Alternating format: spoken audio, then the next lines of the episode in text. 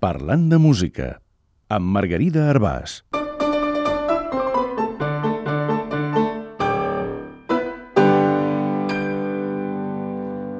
bombardes, bombardins i bombardons.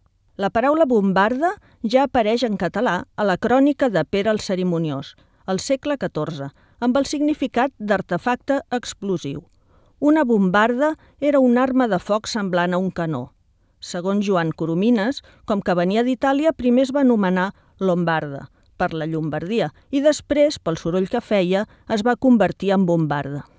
Hi ha un instrument de vent de fusta avantpassat de l'oboè, que també es diu bombarda. Potser perquè de forma s'assembla una mica a un canó, però sobretot per la potència sonora. És de llengüeta doble, com la gralla o la tenora, i encara es fa servir en la música tradicional bretona. Amb la mateixa arrel que bombarda i un sufix diminutiu, tenim el bombardí, en aquest cas un instrument de vent de metall. També se'n diu tuba tenor o eufoni, paraula que prové del grec eufonos, que vol dir que té bon so.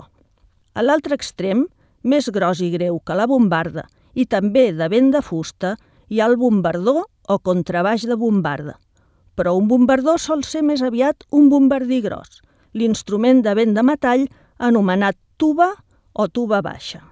Tots aquests instruments, siguin de fusta o de metall, bombardes, bombardins o bombardons, el que tenen en comú és que peten fort, no és estrany si mirem d'on venen. Ja en grec, bombos i en llatí, bombus, volien dir soroll.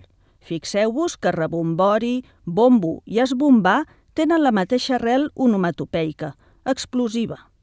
El que és curiós és que el bombardí, que té aquesta arrel tan, diguem-ne, sorollosa, tingui com a sinònim una paraula tan delicada com és eufoni. Curiós, però no estrany. Es pot tocar fort i alhora molt bé mèrit doble.